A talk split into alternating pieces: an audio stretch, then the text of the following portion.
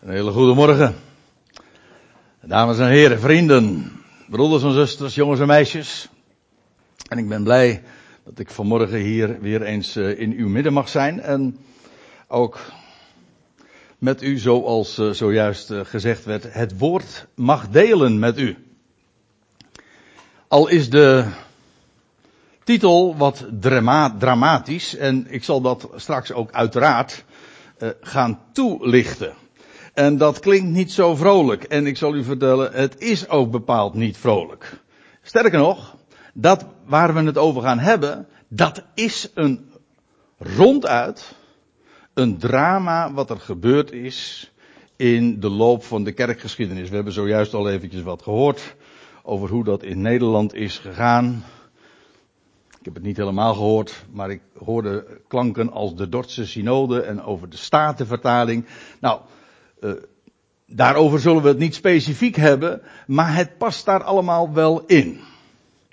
En ik geef toe dat wat ik tot dusver gezegd heb, dat klinkt allemaal nogal cryptisch, want waar heeft hij het eigenlijk over?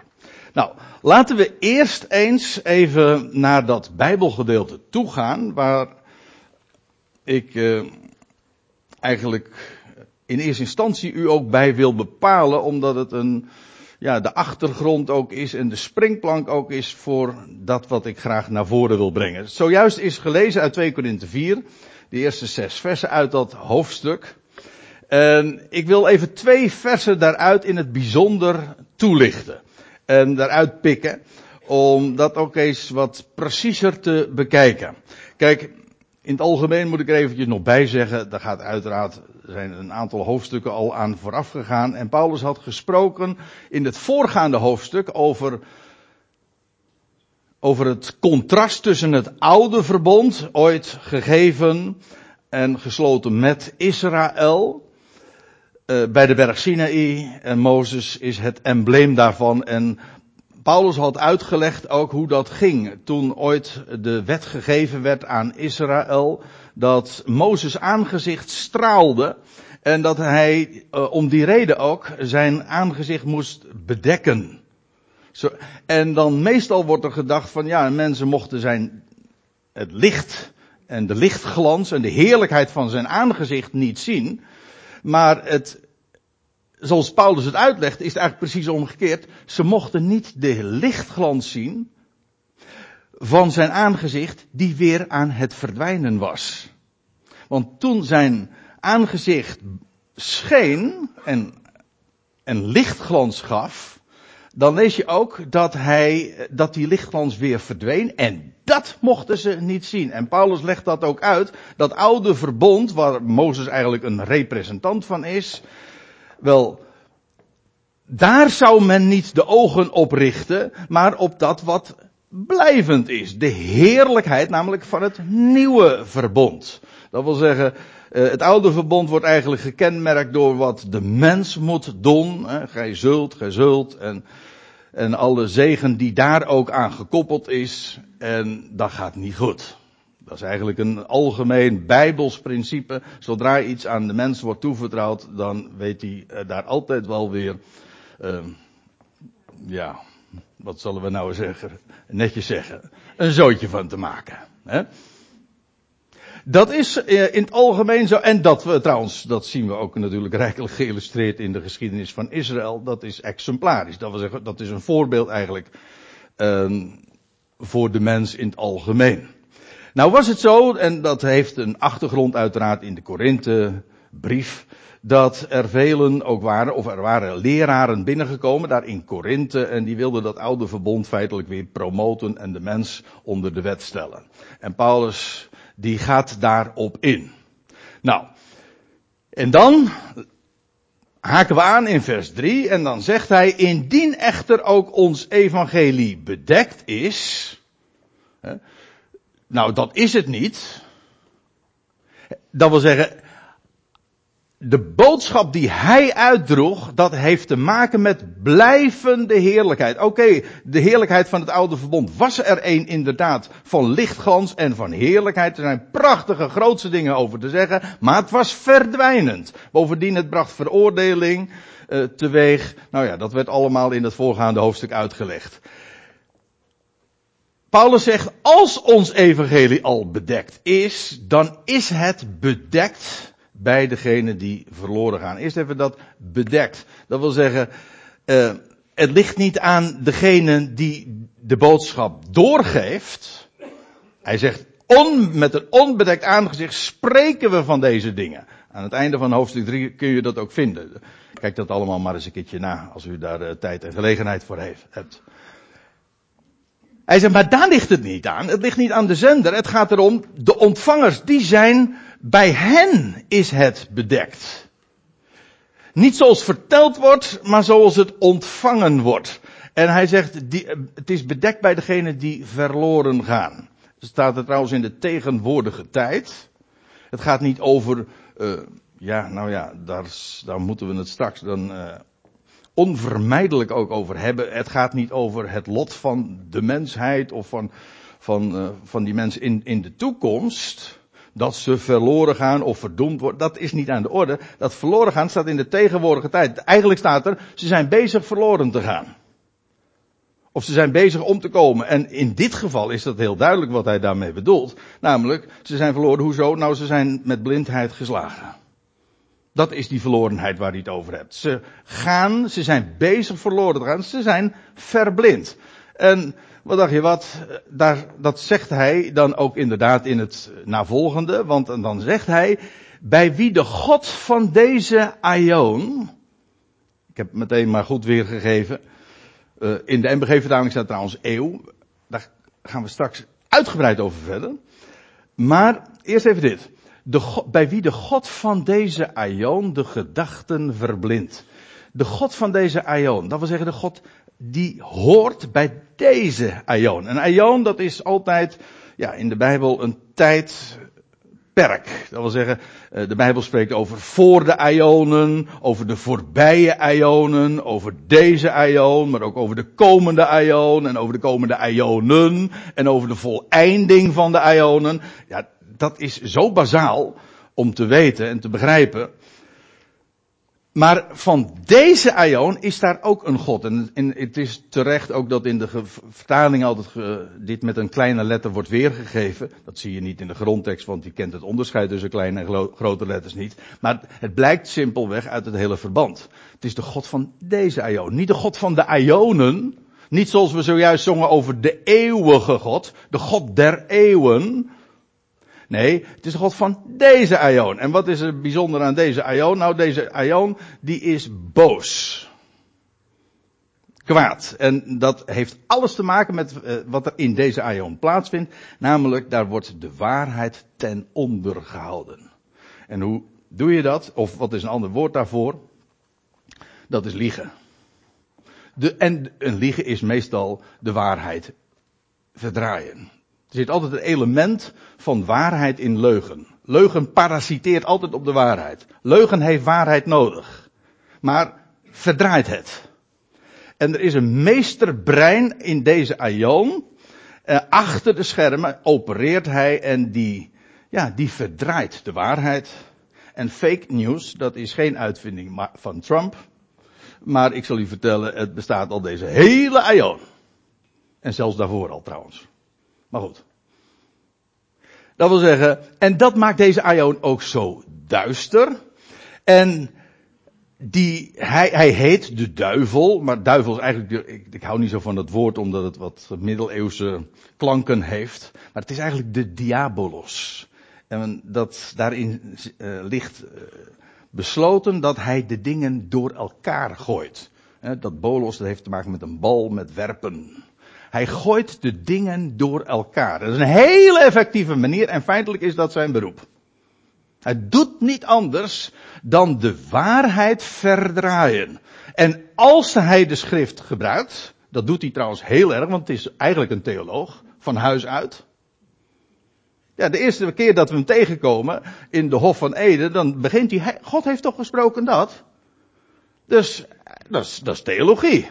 Dat wil zeggen, hij beroept zich op de, op de bronnen van, van wat God gesproken heeft. Hij spreekt over God, maar net verdraaien. E-, eerst verdraaien trouwens, en als hij dan succes heeft, gaat hij het gewoon tegenspreken. Er zit er gewoon een strategie achter. Maar hij is niet gek. Hij is zeer intelligent. En eh, Paulus zegt trouwens in dezezelfde brief, zijn gedachten zijn ons niet onbekend. Nou, deze God van deze Aion, en gelukkig komt aan deze Aion een einde, en, en dan breken de toekomende Aionen aan waarin Christus zal heersen. Maar deze Aion, daar is een God werkzaam, dat wil zeggen, hij beheerst hier deze wereld. Hij krijgt die speelruimte ook. Maak je geen zorgen, ik bedoel, het is allemaal in zijn hand. Dat hebben we zojuist ook gezongen. Maar dat is juist wat die God van deze Aion weer ontkent. U zegt, ik vind het nou een beetje ingewikkeld worden. Dat vind ik ook. Dus laten we verder gaan. Uh, bij wie de God van deze Aion de gedachten verblindt. Wat hij doet, ja, is uh, de waarheid verdraaien in leugen. Hij, hij bedriegt, maar hij zorgt ervoor dat de overleggingen, de gedachten, en dat heeft niks te maken met intelligentie hoor. Sterker nog, hij heeft heel veel succes bij de intelligentie. Hij verblindt. Hij zorgt ervoor, want dat is wat gedachten verblinden betekent. Hij zorgt ervoor dat men niet meer iets kan begrijpen. En ook iets kan zien. En dat doet hij fenomenaal. En met succes.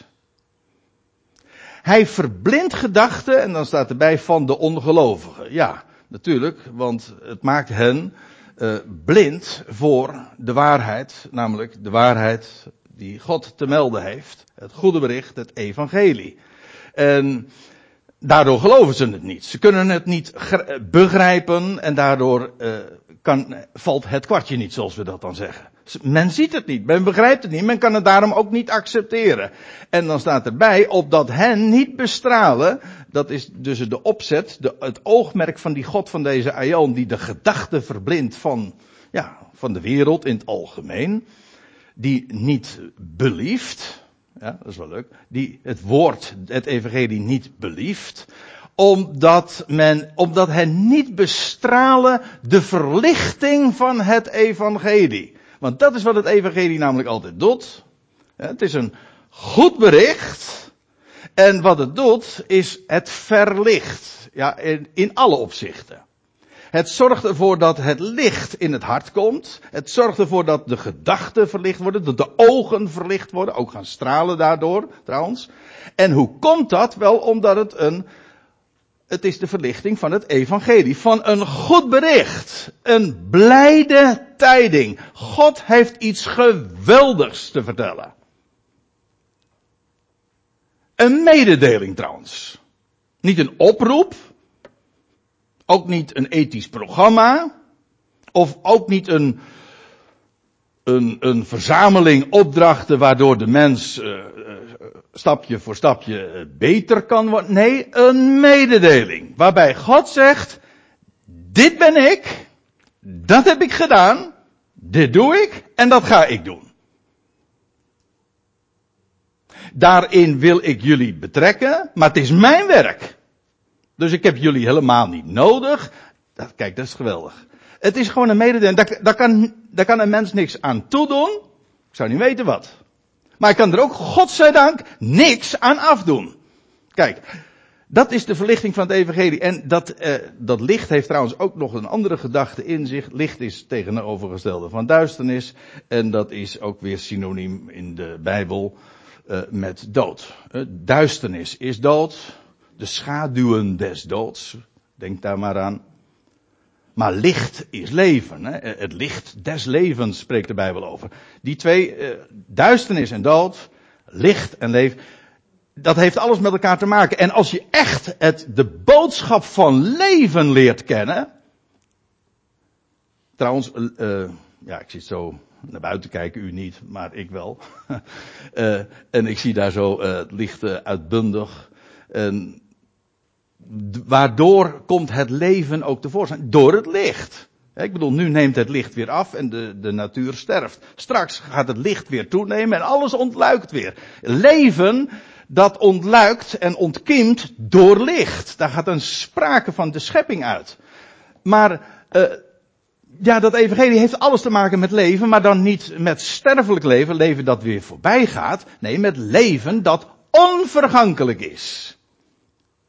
En dat is ook trouwens de heerlijkheid van Christus, want er staat bij op dat hij niet bestralen de verlichting van het evangelie, namelijk het evangelie van de heerlijkheid van Christus. Dus waar gaat dat goede bericht over? Wel, dat, dat verlicht, oké, dat is één ding, dat is wat het doet. Dat is een eigenschap van dat goede bericht, maar het, het spreekt van de heerlijkheid van Christus. Of van de Christus eigenlijk staat er. En, en wat is zijn heerlijkheid? Nou, dat is dat hij de opgestane uit de doden is. Dat is eigenlijk waarom hij de Christus heet. Hij heeft het graf leeg achtergelaten. Hij is de eersteling en de garantie dat heel de mensheid het leven zal krijgen dat hij 2000 jaar geleden even buiten de poorten van Jeruzalem aan het licht bracht. Alsjeblieft. Oké, in een rangorde, natuurlijk. Allemaal in, ieder in zijn eigen afdeling, zegt Paulus in een eerdere brief aan de Corinthiërs. Maar het feit staat, hè, zoals in Adam allen sterven, dat is een gegeven, ook dat is een mededeling. Daar zijn we niet blij mee, maar we worden er dag en dagelijks mee geconfronteerd. Het is een feit. Geen mens kan er ook aan ontkomen. We zijn allemaal stervelingen. We lopen met de dood in onze schoenen. En nou, we weten wat nou het geweldig is van het evangelie. Dat is de mededeling dat de dood is overwonnen en wordt teniet gedaan. Dat is een mededeling. En dat betekent dat zoals in Adam alle sterven, zo zullen in Christus alle mensen worden levend gemaakt. Ieder in zijn eigen rangorde. Gefaseerd betekent dat. Maar het feit staat, en dat is de heerlijkheid van Christus, hij doet de dood teniet. Oké, het is nog even wachten, want de Paulus schrijft ook uh, in diezelfde brief waar ik het zojuist over had, uh, dat het de laatste vijand is die teniet gedaan wordt. Ja. En daarom heet trouwens hij ook de laatste Adam, want zoals Adam heel de mensheid insluit, dat is geen kwestie van keuze, dat is gewoon een gegeven. We zijn, we zijn mensen en daarom Adamieten en daarom lopen we met de dood in onze schoenen. Maar om diezelfde reden, omdat we mensen zijn, Adamieten, zijn wij ook besloten in Christus. En zoals er slechts één daad genoeg was om ons stervelingen en zondaren te maken, zo is één daad van één mens ook voldoende om alle mensen te rechtvaardigen en levend te maken. Voilà, dat is het evangelie. Dat is wat Paulus ook aan het licht bracht. Nou ja, vertelde gewoon aan, onder bewijs stelde. En dat is ook precies waarom die Christus Gods beeld is. Hij representeert God. Hij is Gods, eh, het Griek staat hier een icon, icoon, een icoon. Hij is Gods icoon. Dat wil zeggen, God is de onzienlijke. Niemand heeft ooit God gezien, maar hij maakt zich kenbaar via Christus. Hij is Gods beeld. Niet een mens in het algemeen, ook Adam was niet Gods beeld, dat wordt wel vaak gezegd, maar ik geloof er niks van.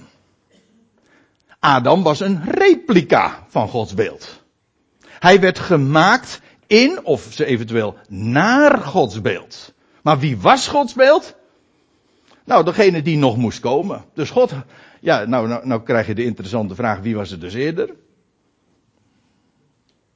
Ja, hij de laatste Adam. Maar Adam werd gemaakt naar het beeld van de laatste Adam. Ja, nou wordt de vraag uh, ook opnieuw ingewikkeld natuurlijk. Want je kunt van twee kanten bekijken. Maar Adam staat er trouwens, dat is Romeinen 5, die is een type van de komende. Dus God maakte eigenlijk Adam, en, maar hij had in beeld, een mooi woord in dit verband, hij had al de Christus in beeld. Waaruit trouwens ook weer volgt dat het bij de creatie van Adam op voorhand erom ging dat de laatste Adam zou komen. Dat vind ik zo'n geweldige gedachte. Dat betekent dat er nooit iets mis is gegaan. Eerst moest ja, natuurlijk moest eerst Adam komen om de laatste Adam te introduceren. De tweede mens. Eerst het een, dan het ander. Paulus legt dat trouwens ook in datzelfde 1 Korinthe 15 uit.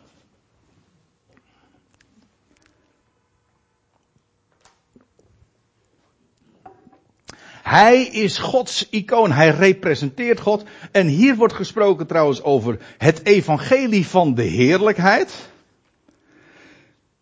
En die uitdrukking gebruikt Paulus hier dan. Maar hij gebruikt hem nog een keer. En dat is in 1 Timotheus 1 vers 11. Makkelijk te onthouden. Allemaal eentjes. Maar het gaat ook over de ene God. En daar, spreekt hij dat hij een heraut is en geroepen is om uh, onder de natieën de boodschap te vertellen, het evangelie van de heerlijkheid van de gelukkige God. En dat is nou niet omdat ik het er toevallig nu over heb, maar als u het mij vraagt, dat is een van de aller, allermooiste termen die ik in de Bijbel ooit ben tegengekomen. Namelijk dat we een gelukkige God hebben. Hij die alles in zijn hand heeft, bij wie niets en niemand ook ontgaat, die ook al het leed en alle moeite kent en daarin ook meeleidt. Hij is niet te min gelukkig. Weet u waarom? Hij heeft het allemaal in zijn hand. Het gaat allemaal volgens zijn plan. En de moeite en het verdriet en de tranen heeft hij allemaal al ingecalculeerd, als ik het zo mag zeggen. Maar hij weet wat de uitkomst is. En het is, Paulus zegt, ik ben geroepen om het goede bericht van de heerlijkheid van de gelukkige God uit te dragen. God is gelukkig. Waarom? Omdat alles wat hij zich ten doel heeft gesteld gaat gelukken. Een mooi woord in Nederlands. Gelukkig. Want het gaat hem gelukken. Al wat hij onderneemt gelukt hem. Daarom is hij de gelukkige God. En Christus is Gods icoon.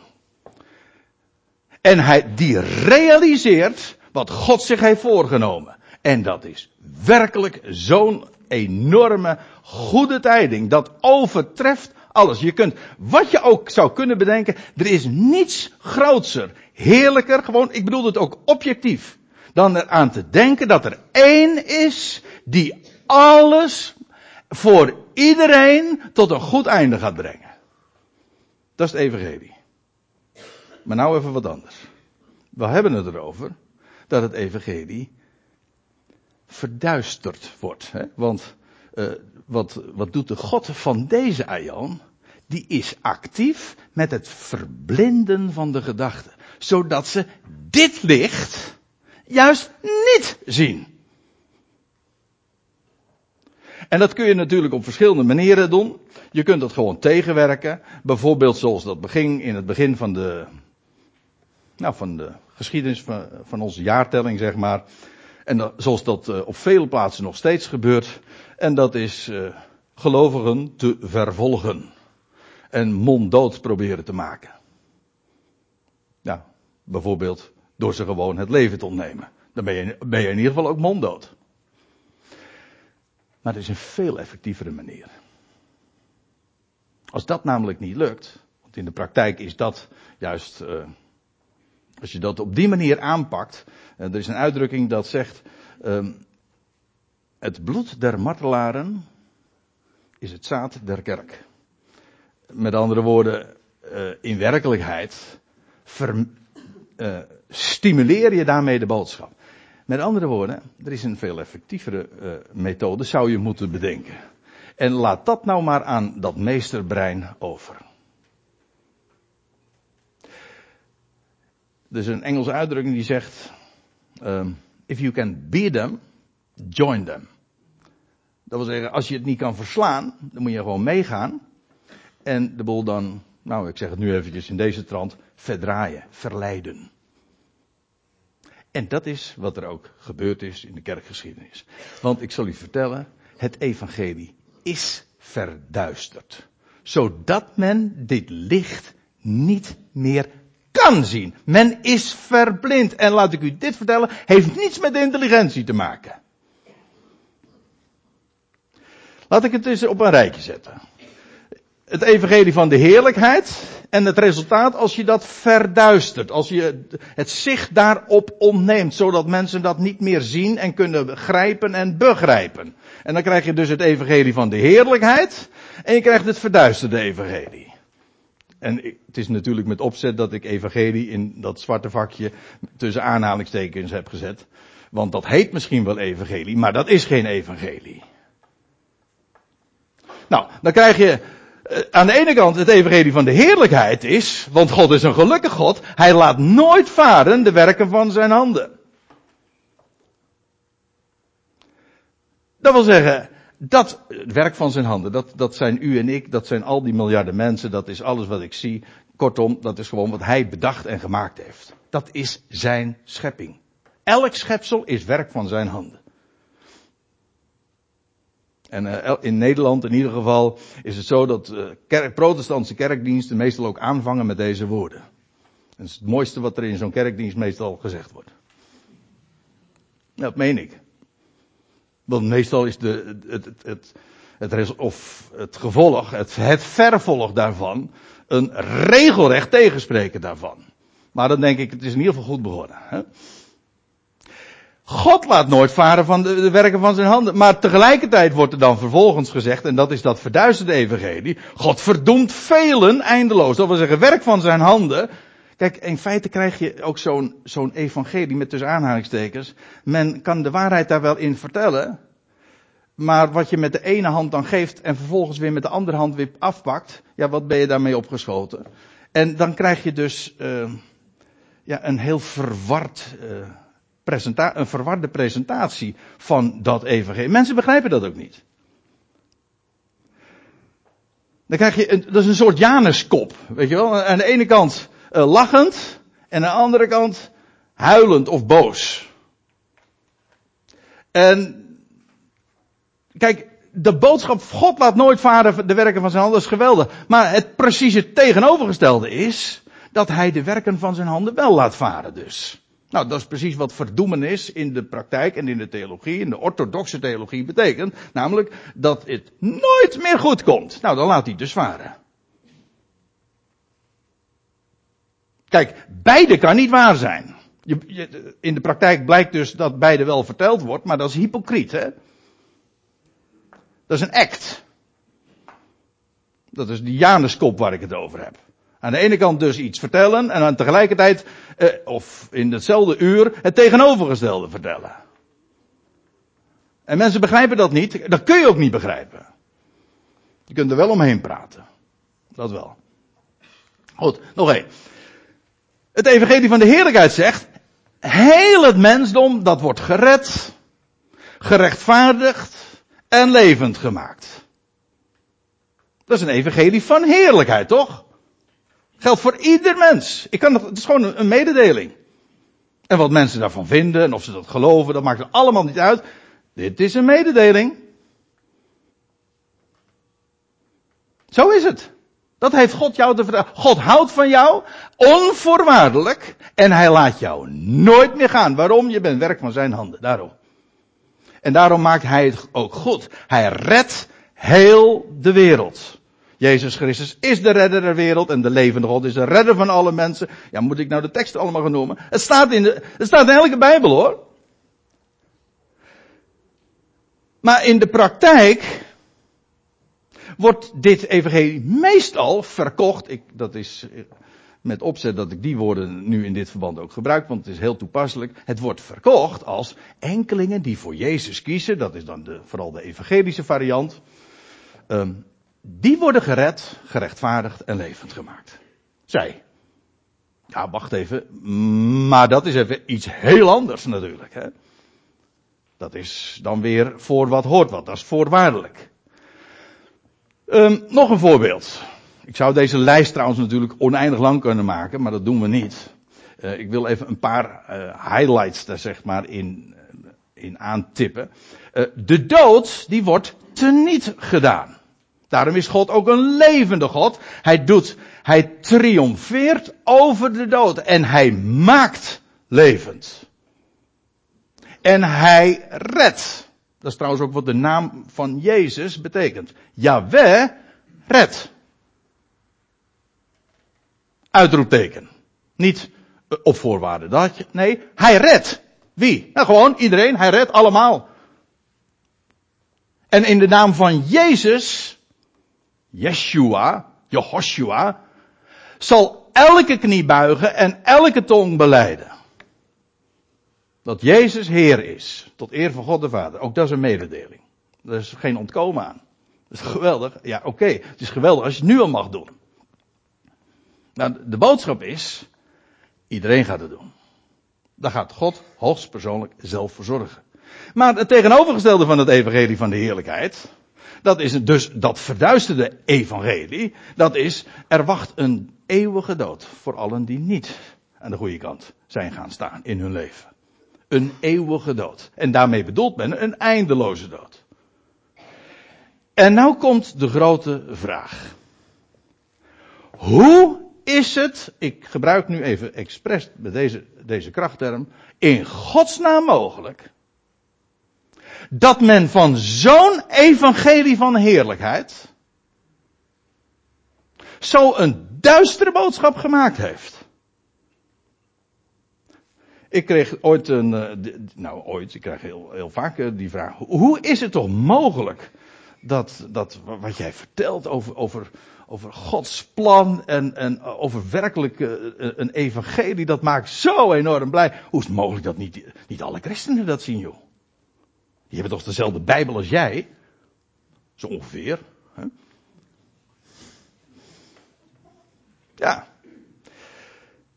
Hoe komt het nou dat dit, uh, dit verduisterde evangelie zo een terrein heeft geworden en het zelfs zo sterk is dat dat die duistere variant nu uh, het evangelie zelfs uh, wegzet als een ketterij. Dat is gevaarlijk. Hoe is het mogelijk? Wat is de, de truc, de strategie die daarachter zit? En hoe heeft het evangelie zo verdraaid kunnen worden? Want neem me niet kwalijk, ik hoop dat ik dat toch duidelijk gemaakt heb. Dat evangelie van de heerlijkheid, dat is toch echt, het, het is echt wit-zwart hè, ten opzichte van dat contrast, de, die, die verduisterde variant. Hoe is het mogelijk dat zo'n boodschap ingang heeft kunnen vinden. En zelfs nu de orthodoxe, uh, legitieme, geldige versie. En eigenlijk alleen aanspraak kan maken op het evangelie. En ik zal u vertellen, er is niet eens film voor nodig. Ja, het is wel een meesterlijke zet hoor. Daar moet ik het wel uh, echt bij zeggen. Maar het is mogelijk geworden door slechts één woordje in die Bijbel te veranderen. Eén woord. En dat is dat woord waar, wat nu al diverse keren is gevallen. Wat we trouwens ook lazen in 2 Korinthe 4 over Aion. En ik weet dat sommige mensen, eh, als ze, als ze mij dat horen zeggen, ah dat is een stokpaardje met jou. Nou laat het een stokpaardje zijn. Dus, maar het is geen hobby. Dit is zo enorm essentieel. En ik wil het u ook echt laten zien. Eén woord was genoeg om dat hele evangelie van heerlijkheid te, te veranderen, te verdraaien in haar tegendeel. En er was maar één woord voor nodig en dat is door van Aion een eeuwigheid te maken.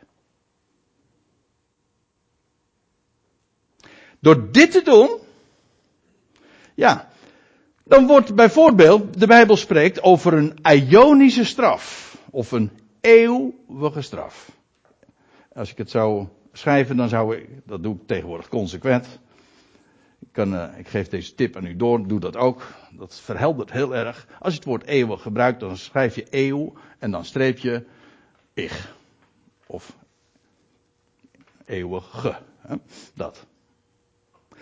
Om daarmee duidelijk te maken dat het woordje eeuwig te maken heeft met eeuw. Een ionische straf, oké, je moet even wennen aan het woord. Maar dat heeft te maken met een straf die verband houdt met een ion. Maar ionen hebben een begin en een einde. Dus de Bijbel spreekt over deze ion, daar hadden we het over. Daar lazen we uit 2 Korinthe 4 over. Maar de Bijbel spreekt over een ionische straf. Nou, dat is een straf die houdt verband dus met een ion. Maar wat heeft men ervan gemaakt? Een eeuwige straf. In de zin van eeuwigheid. En in de zin van eindeloos. Zonder einde.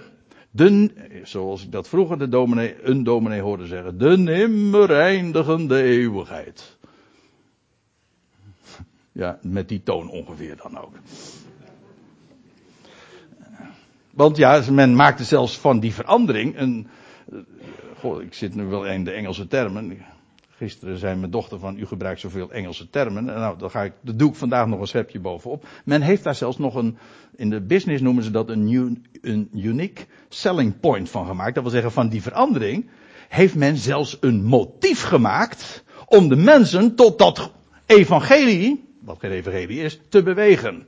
Want ja, dan hangt er een ernst aan. Want ja, daar wacht dus, als je nu niet de goede keuze maakt, dan wacht jou een eeuwige straf. Als je langzaam genoeg zegt, dan begrijp je meteen waarom het eindeloos is. Er komt nooit meer een einde aan. Maar dat is drama. Een straf die verband houdt dus met een aion of aionen, met een wereldtijdperk, heeft men iets eindeloos van gemaakt. Eh, of een aionisch oordeel, dat werd een, een oordeel tot in eeuwigheid. En de Ionen die ze, de Bijbel zegt dat als de Heer Jezus Christus straks terugkeert, in Efeze 2 lees je daarover, over, dan breken de komende Ionen aan. En wat heeft men ervan gemaakt? Een eindeloze eeuwigheid. Straks komt Jezus terug en dan breekt de eindeloze eeuwigheid af. En dan is het linksaf of rechtsaf. Voor u dan, hè. Uh, en het oordeel of het leven. De straf of de zegen. En dat is eindeloos. Maar dat is drama. En van een verderf tot in de Ionen, zoals de Bijbel erover spreekt, heeft men er gemaakt een verderf tot in eeuwigheid. Nou, dat alles is de consequentie van het veranderen van Aion in eeuwigheid. En nog wat. De Bijbel zegt dat Christus zal heersen tot in de Ionen. Op heel wat plaatsen. En wat heeft men ervan gemaakt? Christus moet heersen tot in eeuwigheid. De Bijbel zegt heel uitdrukkelijk dat Christus moet heersen tot dat. Waaruit zo, sowieso al blijkt dat dat tot in de Ionen niet eindeloos is. Maar Christus moet heersen tot dat. En de Bijbel zegt ook wat er gebeurt. Wat het laatste is van zijn regering. En van zijn heerschappij. Hij moet heersen totdat hij de laatste vijand, de dood, zal teniet gedaan hebben. Dat moet hij doen. Maar als hij heerst tot in eeuwigheid, dan blijf je dus altijd zitten met die laatste vijand. Denk daar maar eens over na. En dat is precies ook wat men zegt en leert. Vandaar ook de eeuwige dood. Ziet u hoe dat allemaal in elkaar grijpt? En hoe afschuwelijk het is. Wat er gebeurt als men van eeuw een eeuwigheid maakt. Of van een aion een eindeloze eeuwigheid. Want kijk, wat er dan gebeurt is dat oordeel, straf, verderf en dood in één klap uitzichtloos worden. Er is geen, lucht, geen licht meer aan het eind van de tunnel. Nooit. En dan wordt dat geweldige goede bericht, dat universeel, onvoorwaardelijk is, als een feit gesteld wordt, wordt in wezen een afschuwelijk drama voor het merendeel van de mensheid. En natuurlijk, ik weet, er zijn varianten. Ook de wijze waarop dat gepresenteerd wordt. Want er zijn natuurlijk kerken die erom bekend staan waarin dit elke zondag echt luid en duidelijk gepredikt wordt. Hel en verdoemenis. En de hele toonzetting en de, en de liederen die gezongen, tussen aanhalingstekens worden, uh, en het orgel dat eh, ingezet wordt en de hele prediking en de, en eh, de zwarte kleding waar men, men uh, ter kerke gaat, ja, dat moet dat allemaal demonstreren. En in feite is dat ook precies dat wat men uitdraagt. Want zo vrolijk is het allemaal niet. Integendeel, het is afschuwelijk. Want ja, als oordeel en dood en straf en gericht eindeloos zijn, dat betekent dat het geen uitzicht meer heeft. Maar dat is toch, dat is toch verschrikkelijk. Maar oké, er zijn kerken waar dat dan heel uh, uitdrukkelijk zo verteld wordt. Er zijn ook kerken waar die dat eigenlijk min of meer verzwijgen zelfs. Heel zachtjes gezegd wordt. Of dat daar geen accent op gelegd wordt. Ja, moet je daar nou blij mee zijn? Eh, eh, dan zeggen ja, dat zijn, die zijn niet zo zwaar. Hè? Uh, ja, dat hangt er vanaf hoe je het bekijkt. Eigenlijk is het dan alleen maar subtieler natuurlijk. Want de boodschap is gewoon dezelfde en blijft intact, alleen er worden andere accenten gelegd. Maar de boodschap is nog steeds die met die donkere achtergrond. Dat geen evangelie is. Het is inderdaad heel zwart-wit. Kijk, wat ervoor zorgt dat door, doordat de God van deze Aion in staat is geweest om de, de overleggingen, de gedachten te verblinden, dan zien mensen, kunnen mensen zelfs niet eens meer zien het evangelie van de heerlijkheid. Waarom? Ze zijn gewoon getriggerd, ze zijn verblind omdat van een aion een eeuwigheid is gemaakt. Nou, dan als op het moment dat een eeuwige straf een eindeloze straf is, ja, dan kan God dus nooit alle mensen redden en verzoenen en recht, eh, rechtvaardig maken. En dan komt het nooit universeel goed. Dat kan niet. En ziet men dan niet die bijbelteksten waar dat dan gewoon expliciet geleerd wordt? Jawel. Maar die worden allemaal onschadelijk gemaakt. Men is, laat ik het nog anders zeggen. Men wordt, men is eigenlijk immuun gemaakt. Immuun gemaakt voor, voor die boodschap. Men kan het niet zien, want er bestaat een eindeloze straf. Een eeuwige straf, tot in eeuwigheid. Daardoor kan men het evangelie niet zien. En ik weet, er zijn mensen die ondanks die boodschap, die ze dan elke zondag horen of subtiel horen, in welke gradatie dan ook, die op, ja, een beetje raar gezegd, op hun klomp aanvoelen, hier, hier, hier klopt iets niet. En ik, ken, en ik ken ook mensen die eigenlijk dat altijd uh, uh, wel hoorden, maar uh, hier ging het in en daar ging het uit en ze zeggen, dat kan niet waar zijn. En die toch altijd hun, een steun hebben gevonden in het feit dat God niet laat varen de werken van zijn handen. Ondanks dan de leer. Kijk, en daar is het licht eigenlijk toch al in het hart gekomen. Ook al begrijpt men het dan niet.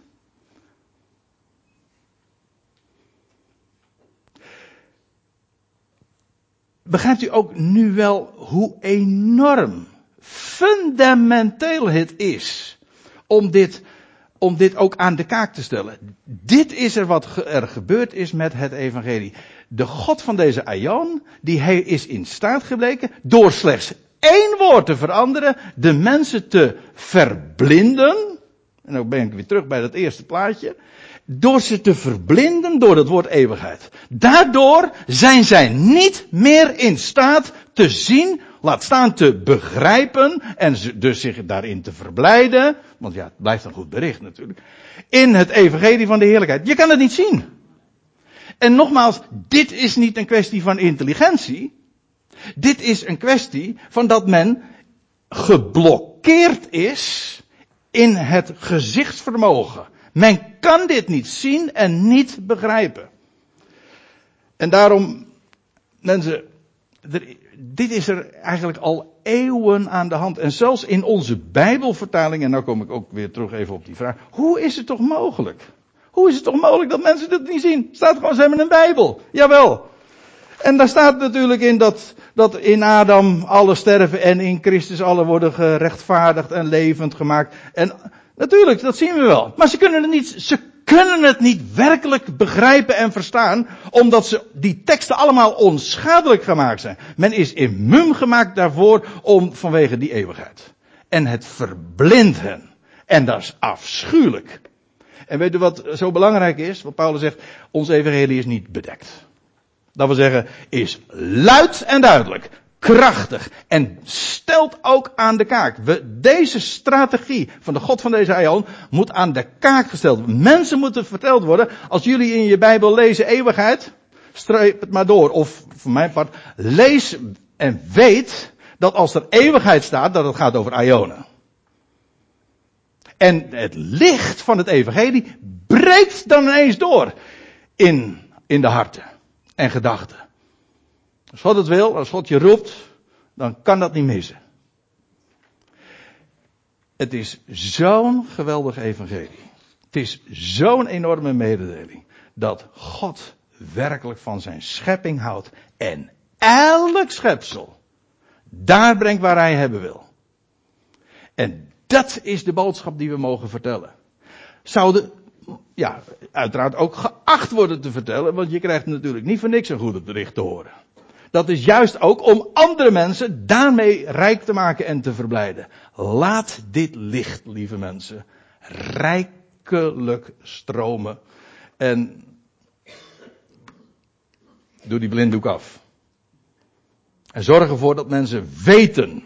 Want als het niet ja, hoe zouden ze het weten als ze het niet eerst te horen krijgen? Als ze niet te horen krijgen hoe dat zit met die ionen.